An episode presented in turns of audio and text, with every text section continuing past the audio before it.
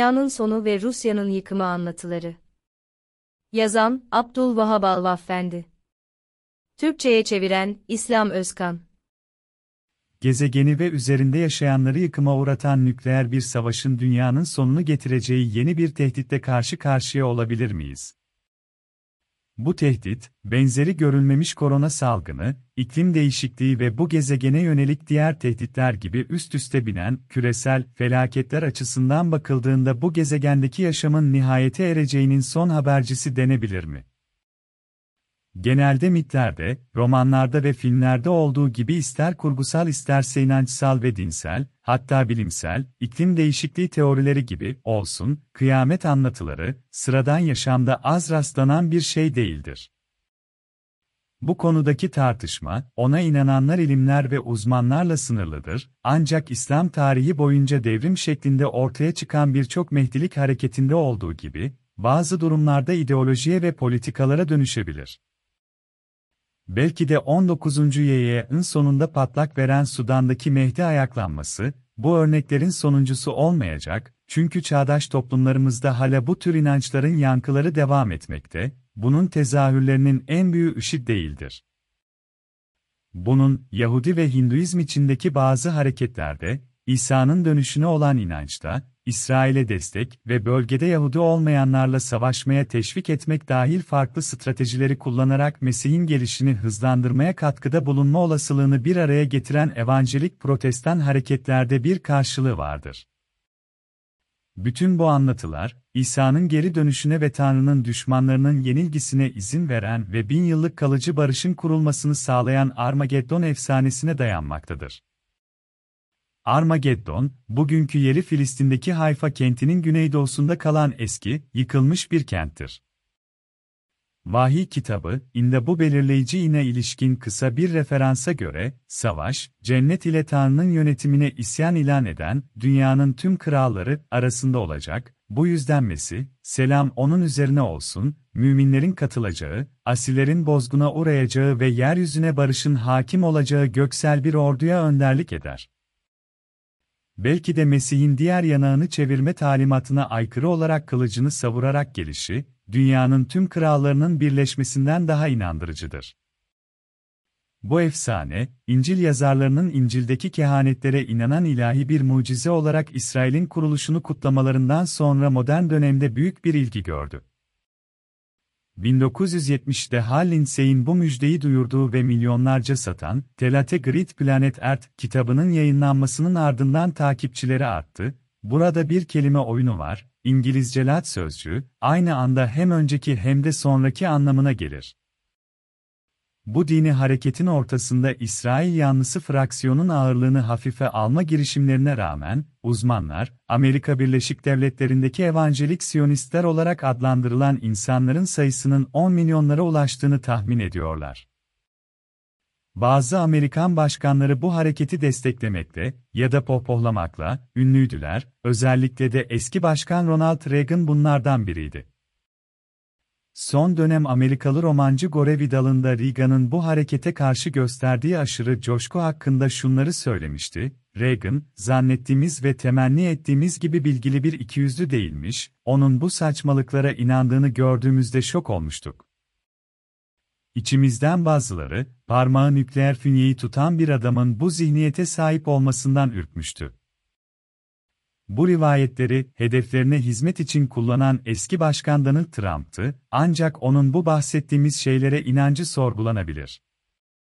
Mayıs 2018'de Washington Post, Trump'ın evangelik destekçilerinden birinin, Mesih'in dönüşü için geri sayımın Büyük İsrail kurulduğunda ve nihai sınırları belirlendiğinde başladığını söylediğini aktardı. Buna karşılık, Aralık 2017'de Haaretz gazetesi, Trump'ın Kudüs'ü İsrail'in başkenti olarak tanımasını 2016 başkanlık seçimlerinde %87'sinin kendisine oy verdiği aşırı evangelikleri yatıştırma çabalarıyla açıkladı. Zira o dönem Trump, kongre seçimlerinde Alabama'daki oylara ihtiyaç duymaktaydı. Geçen Perşembe günü Esjure dergisinde yayınlanan bir makalede yorumcu Charles Pierce, Putin'in Ukrayna'yı, Haçlı işgali, nin dini yönüne ve bunun Rusya'daki Ortodoks Kilisesi ile ittifak halindeki Hristiyan milliyetçiliğiyle bağlantısına ve Rusların Rusya'nın dinijolitik tarihinin kurucu bağı olarak Kiev'e olan bağlılığına odaklanmakta. Rusya Devlet Başkanı Putin, Kremlin'in önüne, M.S. 10. yüzyılda Büyük Vladimir adıyla ünlü olan Kiev Prensi Vladimir'in, 981 ek 11 ek 15 devasa bir heykelini dikti ve bazılarına göre bu, Putin'in ünlü prensin varisi olduğuna dair bir işaret olarak görüldü. Vladimir, hem Rusya'nın hem de Ortodoks Kilisesi'nin, 988'de o zamanlar yaygın olan pagan inancından Hristiyanlığa geçmesinden sonra, ve krallığının Belarus'u ve günümüz Rusya'sının büyük bir bölümünü kapsayacak şekilde genişlemesini başlatan kişi olarak kabul edilir. Buna göre Ruslar, Ukrayna'yı ve özellikle Kiev'i medeniyetlerinin beşiği olarak görüyorlar. Putin ve Rus Kilisesi, Ukrayna'daki Ortodoks kiliselerinin çoğu 2018'de birleşip yeni, bağımsız bir kilise oluşturduğunda ortalığı velveleye verip tepki gösterdi. Dergi, Rus Ortodoks, muhafazakar Katolikler ve bazı katı evangelik mezhepler arasında, laikliğe, çöküşe ve tabii ki İslam'a karşı birleşerek kıtaları aşan, muhafazakar dini bir ittifak oluşturmak için olası bir yakınlaşmaya işaret ediyor. Trump'ın Putin'in Ukrayna'daki ayrılıkçı bölgelerin tanımasını, işgalini haklı çıkarmak için attığı adımı övdüğü, manevrayı akıllıca nitelendirdiği ve Amerika Birleşik Devletleri'nin Putin'in yaptığı şeyin aynısını güney sınırında uygulaması gerektiğini söylediği biliniyor. Esjüre yazarı, Ukrayna'daki savaşın özünde teolojik olduğunu ve meselenin Doğu Avrupa'da Ortodoksluğun kimliğini belirleme mücadelesi olduğunu vurgulayarak makalesini bitiriyor. Bu anlamda, Putin'in Ukrayna'yı işgali, Ortodoksluğun beşiği ve kutsal toprakları ihya etmek için bir haçlı seferidir. Bu tartışma, Ortodoks, Kudüs, Ü, Moskova'yı veya Konstantinopolis'i kimin kontrol ettiği konusunda 13. yüzyıla dayanan Ortodoks Kudüs'e kim sahip olacak? Moskova mı İstanbul mu tartışmasına dayanır. Ve soruyor, peki bu durumda yeryüzündeki diğer Ortodoks kiliseleri hangisine yakın durur? Ki Vladimir kesinlikle azizlerden biri değildir ve dünyanın sonunu ve yaklaşan yargı gününü hızlandırmayı da amaçlamaz, çünkü sahip olduğu sicil bu tür bir aceleyi gerektirmez, ancak dini değil, siyasi saplantısı bunu hızlandırabilir. Uluslararası sahnede ehli hal ve eyle akdin, söz sahibi kanaat önderlerinin en büyük kabusu, aşırı dinci grupların ve teröristlerin nükleer silahlara sahip olmasıydı korku, saplantı noktasına ulaştı ve Irak'ı işgal etmek için kullanıldı. Korku anlatılarının aklın sınırlarını aşınca delilin eşinde bir manaya dönüştü ve Putin'in de böyle bir saplantıdan uzak olmadığı biliniyor. Belki de şaşırtıcı bir şekilde, o ve onun Dışişleri Bakanı, Putin'in Rusyasının Çeçen isyancılara yaptıklarını görmezden gelerek, Ukrayna'nın ayrılıkçı isyancılara zulmü ne ağlıyorlar? Suriye'deki günahlarından bahsetmiyorum bile. Dünyanın bu kötülüklere karşı sessiz kalması, aynı zamanda teröre olan takıntısından dolayı, bugün Ukrayna'da gördüğümüz şeye neden oldu. O halde, bu saplantının sonucunun, bir kitle imha silahının hastalıklı korkularla ve saplantıyı aşan ulusal dine aşırılıklara takıntılı bir kişinin elinde tüm dünyanın birkaç kez kitlesel yıkımını gerçekleştirmeye yetmesi şaşırtıcı değildir. Batılı ülkeler, çılgın milliyetçi Haçlı işgaline karşı koymaya cesaret ettikleri takdirde Putin'in hayal bile edemeyecekleri silahlarla Batı'yı yok edebileceğini açıklaması ve bunu yapmaya hazır olması, bildiğimiz dünyanın sonunu zaten getirmiş olan bir dönüm noktasıydı.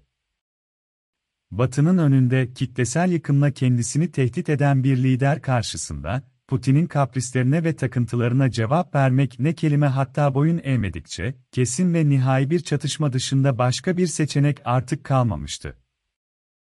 Batılı bir liderliğin bu denklem çözülmeden, bütünüyle Rusya olmasa bile en azından Putin'in senaryodan çıkartılmadan batılı liderlerin rahat bir uykuya dalabileceklerini sanmıyorum.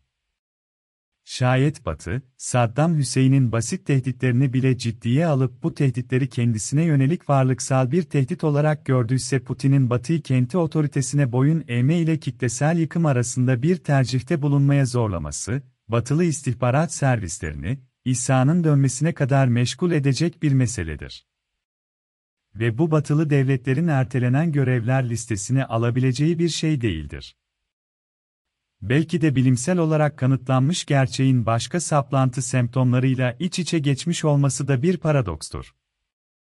Örneğin, İsa'nın dönüşüne ve İsrail'i desteklerlerse dünyanın sonunun geleceğine kafayı takan Trump ve destekçilerinin iklim değişikliği ile ilgili açıklamaların geçerliliğini sorguladıklarını biliyor ve bunu Amerika'yı zayıflatmak için bir komplo olarak değerlendirdiklerini görüyoruz. Tıpkı korona salgınının tehlikeleri hakkında açıklamalar yapan bilim adamlarının salgının kaynağı yahut onunla mücadele için alınması gereken önlemlere ilişkin açıklamaları hakkında şüphe ettikleri gibi, bu açıklamalarda çifte komplo kokusu aldıklarını görüyoruz. İşte burada akıl, yaşam ve barış için en yıkıcı reçete haline gelen saplantı, bilim ve siyasette iç içe geçmektedir. Bu grubun birçok üyesinin kaynağını belirtmeden bir felaketin yakını olduğuna inanması ve birçoğunun evlerinin bodrumlarında ya da dağlarda, dünyanın sonu gelmesiyle birlikte içinde yaşam için tüm gereksinimlerin bulunduğunun barınaklar hazırlamaları şaşırtıcıdır.